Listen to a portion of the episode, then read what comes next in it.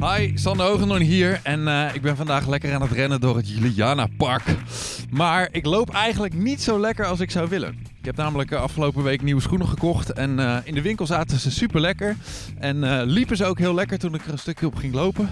Maar ik merk nu toch dat het niet helemaal mijn schoenen zijn. En daar gaan we het deze aflevering over hebben. Over hoe kun je nou het beste hardloopschoenen kopen. Vijf tips bij het kopen van hardloopschoenen. Ik ga het er zo meteen over hebben met Ramiro Amenairo. Hij testte in de afgelopen drie jaar meer dan 150 paar schoenen voor Runners World Magazine. En hij is dus met recht een echte schoenenexpert. Ik zou zeggen, schoenen aan en rennen maar. Ogen op de weg, lopen op de beat. En alles wat je zegt,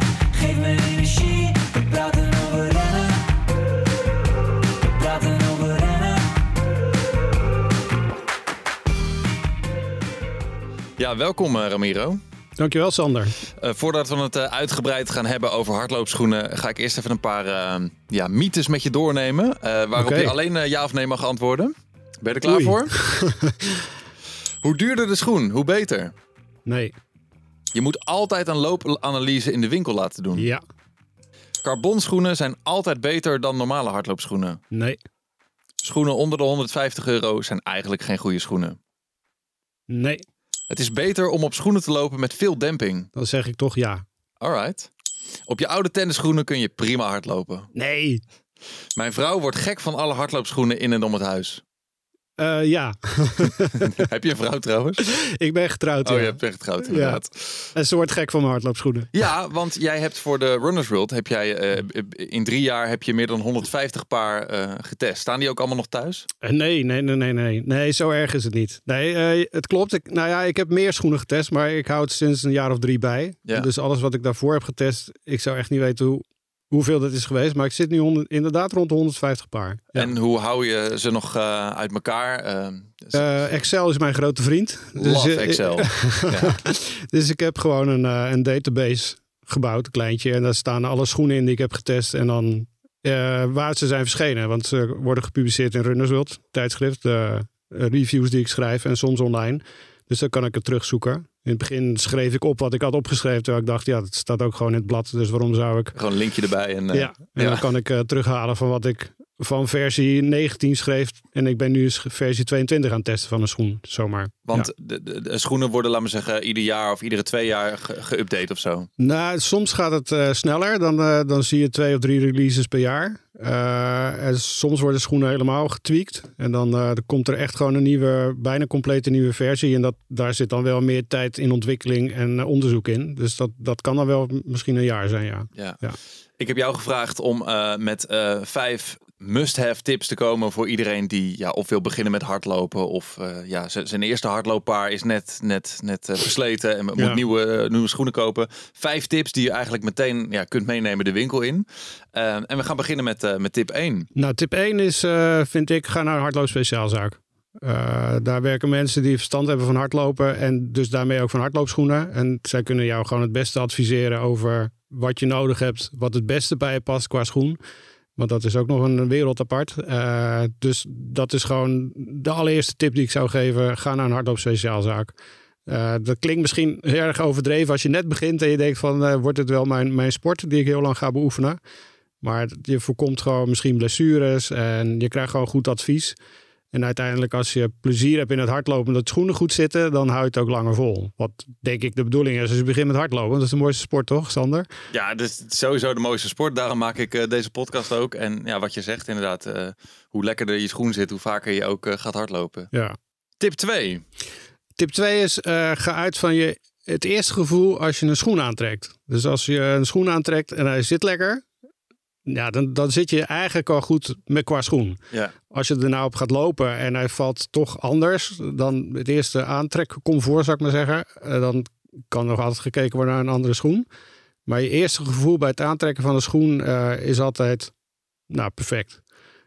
Dus Als bij- uitgangspunt. Ja, dus ze kunnen bij een hardloopzaak eh, loopanalyses doen, eh, jouw schoenen aanrijden, tips geven. Je hebt misschien op internet al zelf eh, bepaalde voorkeuren of zo, maar uiteindelijk ja, hoe het zelf voelt, dat Ja. weet alleen jij. Ja, dat weet, ja, ja, als je schoenen koopt en je trekt ze aan, ja, dan, dan zitten sommige schoenen gewoon niet lekker. En dan gewone schoenen heb ik het over. Dan zou je ze ook nooit dragen. En hetzelfde geldt een beetje met hardloopschoenen. Ja. Ga je waarschijnlijk ook nooit op hardlopen. Ze zeggen wel eens als je bijvoorbeeld een, eh, een kat haalt uit het asiel. Dan de, de, jij kiest niet de kat, maar de kat, kiest, kiest jou. jou. Hè? Is dat bij schoenen ook? Zo, ja, weet ik niet. Dat is wel een hele filosofische. Misschien moeten we daar een andere podcast aan Ja. wijden over de... Eh, ja, het zou kunnen. Ik weet niet. Ja, Ja. Je hebt, eh, ja. Misschien. Dat is wel een interessante. Ik ga, er eens, Alright. ik ga er eens over nadenken. Ehm, tip 3, Ramiro. Tip 3 is... ehm, ja, dat je je schoenen... eh, dat is, ja, is een fout die vaak wordt gemaakt. Dat je, je hebt bijvoorbeeld eh maat 43 en dan koop je schoenen, hardloopschoenen gewoon ook in 43. Je moet ze altijd één...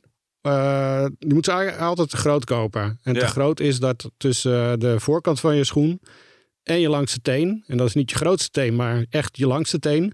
Ja, want bij mij is dat de, de teen naast mijn grote teen. Die, eh, Ja. die steekt een stukje uit. Nou, dus die teen moet je aanhouden.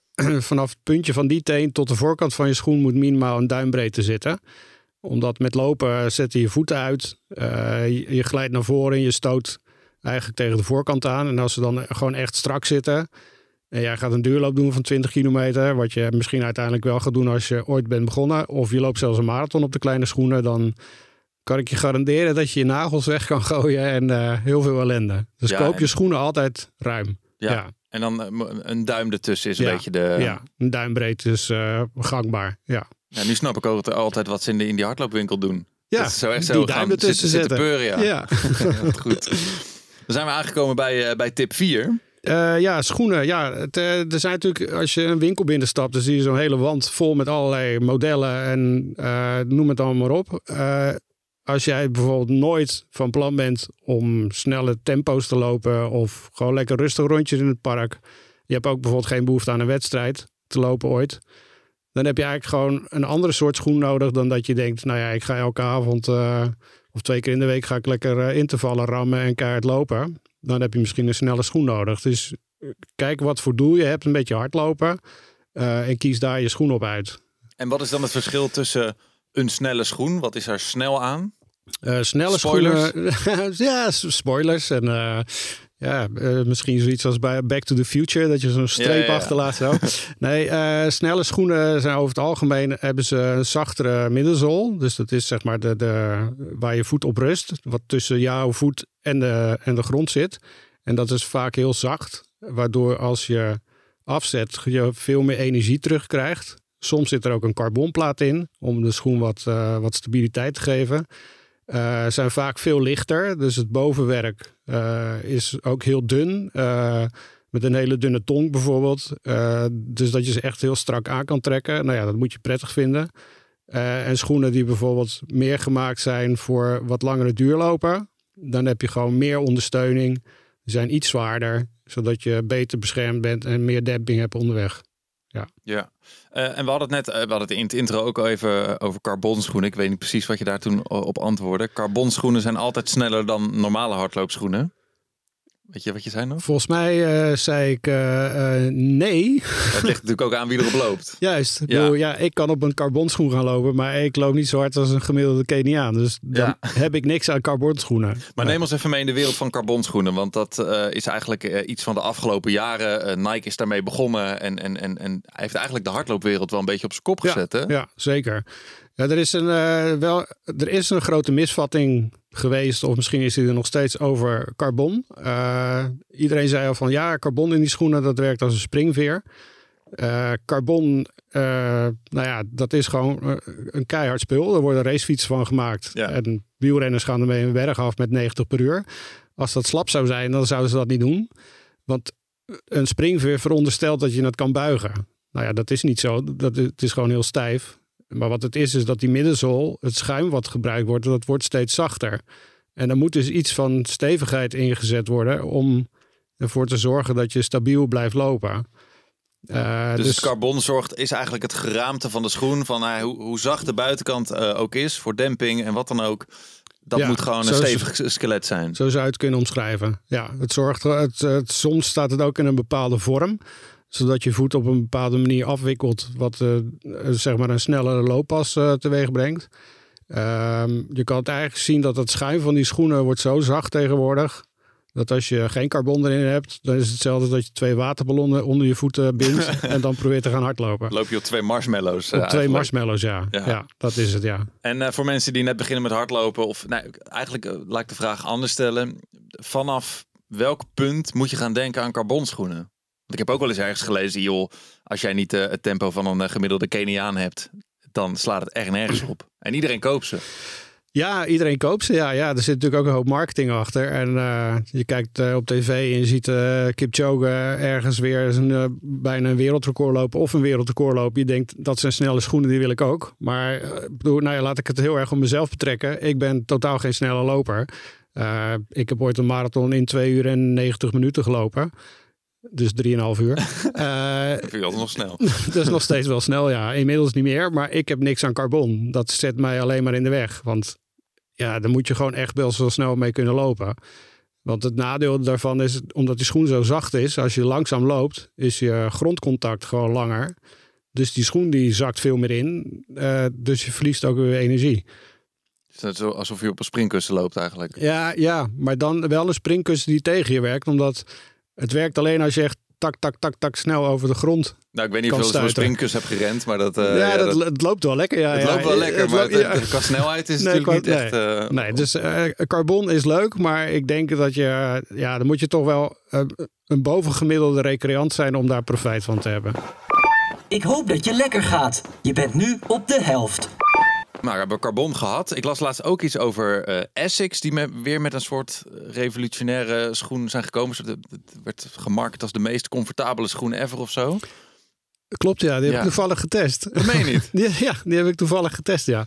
Eh, ja, de meest comfortabele schoen binnen de collectie van Essex heb ik gezegd. Eh, omdat eh, ze zijn, ja, ze hebben echt, echt iets ontworpen wat super zacht is, heel lekker loopt, toch stabiel is. En eh, ja, eigenlijk totaal niet lijkt op een gemiddelde Essex schoen.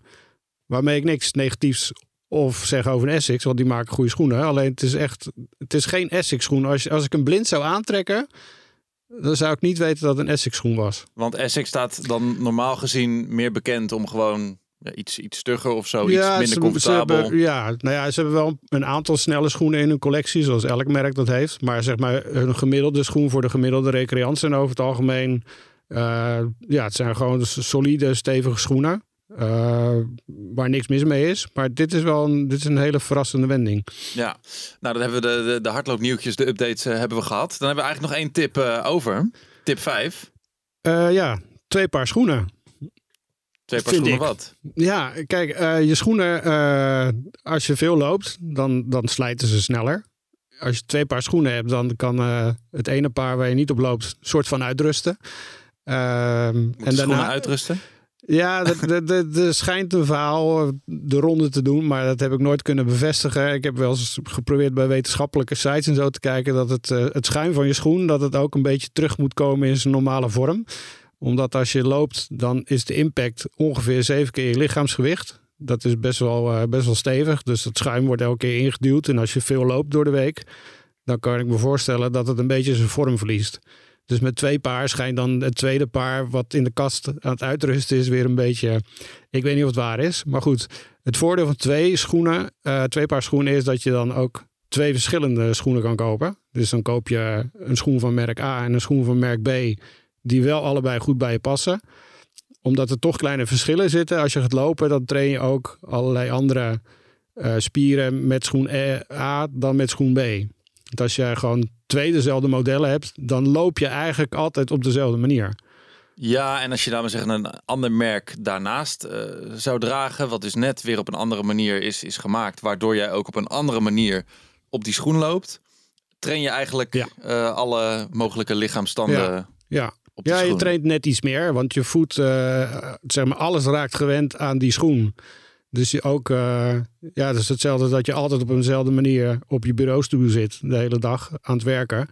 Ja, dan krijg je ook gewoon een bepaalde houding en dus ook bepaalde klachten. Ja. Terwijl zoveel mogelijk bewegen op verschillende manieren is het het beste voor je. Dus ook als je twee verschillende soorten schoenen draagt. En maakt het nog uit ehm, hoe je landt? Want nou ja, er wordt natuurlijk veel geschreven over een haklanding. Ik denk dat heel veel mensen die beginnen met hardlopen eerst eh, op de hak van hun voet landen alvorens eh, nou, de, de rest komt.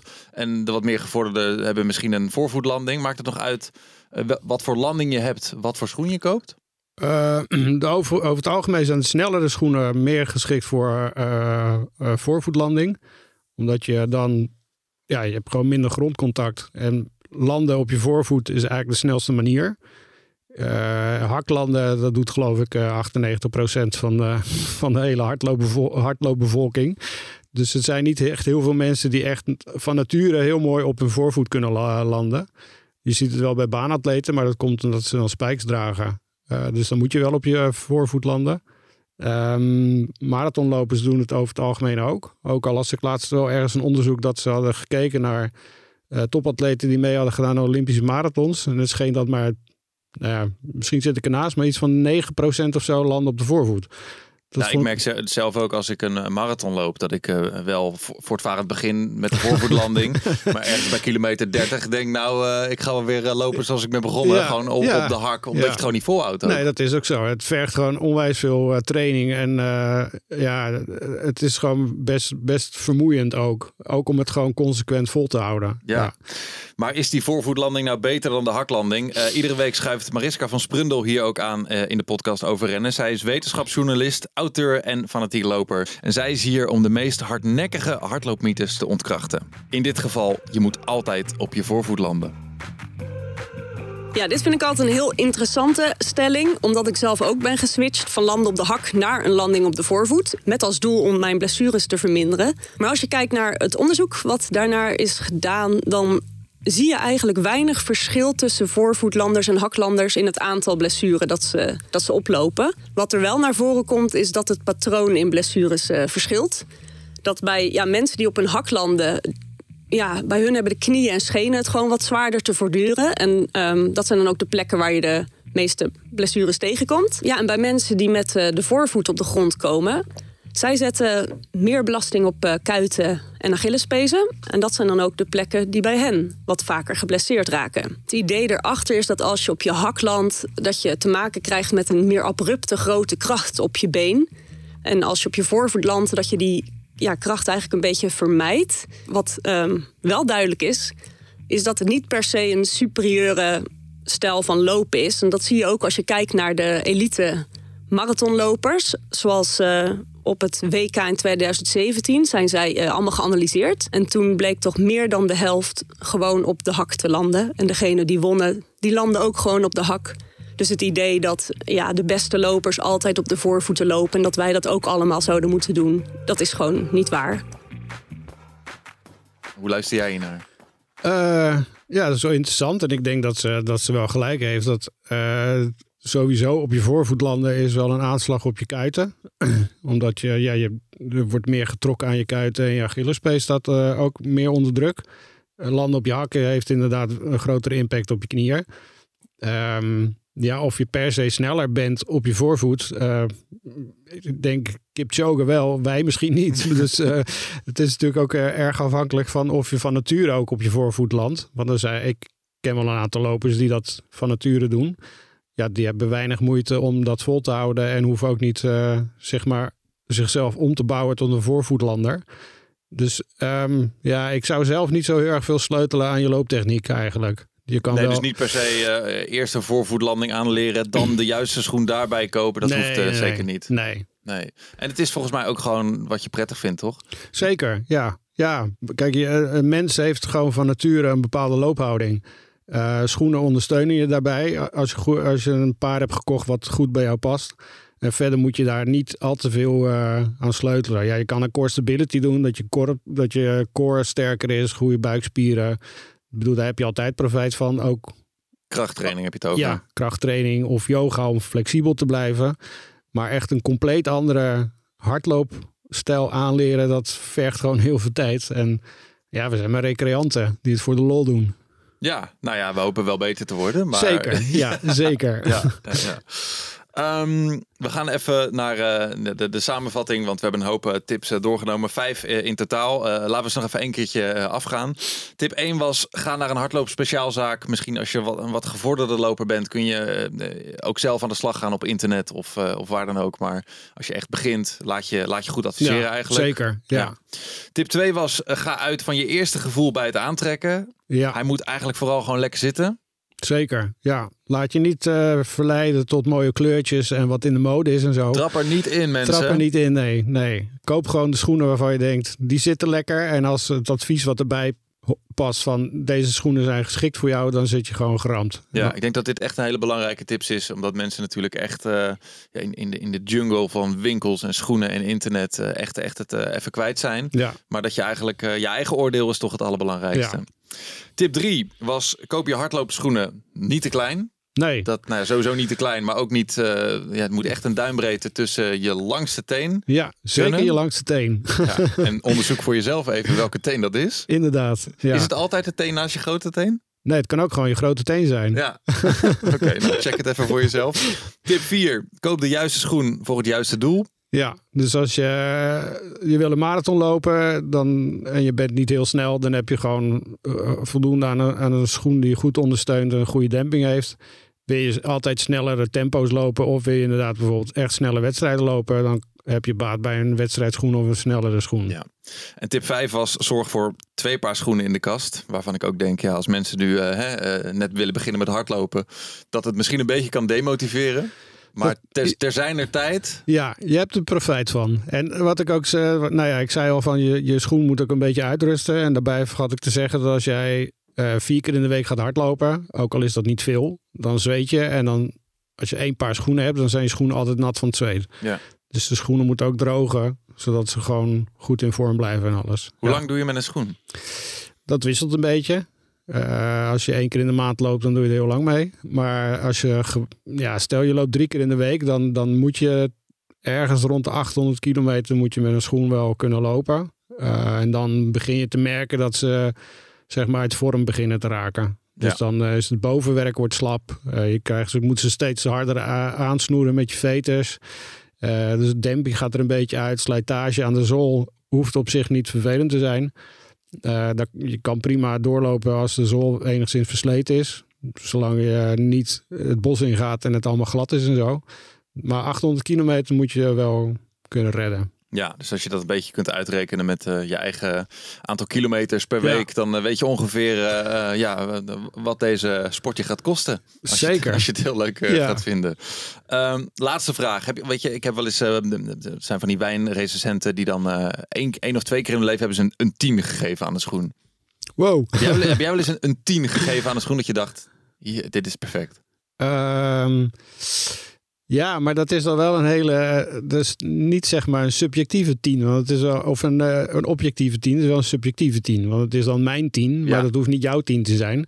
Ehm, nou, het is niet zozeer een schoen. eh, maar wel meer een, een, een merk. En dat zit er dan in dat. ik ben een groot fan van het merk Saucony.